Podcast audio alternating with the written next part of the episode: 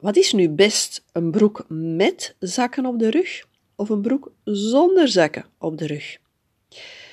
Een klant met nogal een zwaarder achterwerk, zwaardere heupen en billen, droeg zelf een broek zonder zakken op de rug.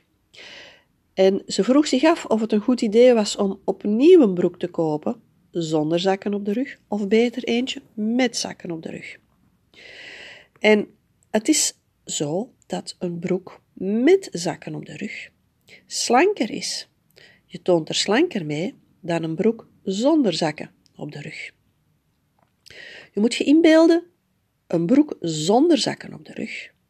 Dan heb je één grote oppervlakte, hoog en breed. En heel het lichaam zit in die broek, in die oppervlakte. Er is niets dat de aandacht afleidt. Je ziet alleen de hoogte en de breedte. Als je nu diezelfde broek hebt en hetzelfde lichaam erin, met zakken op de rug, dan wordt je aandacht naar die zakken getrokken. En dat is interessant, want dan gaat tenminste de aandacht niet naar de hoogte en de breedte van je zit vlak. En dat is natuurlijk een goede manier om slanker te tonen. Gewoon de aandacht afleiden.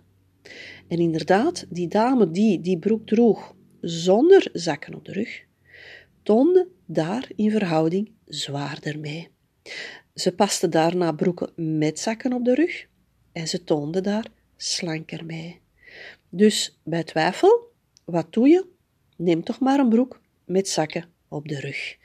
En zeker als je zwaarder bent op heupen en billen. Zo, fijne dag nog.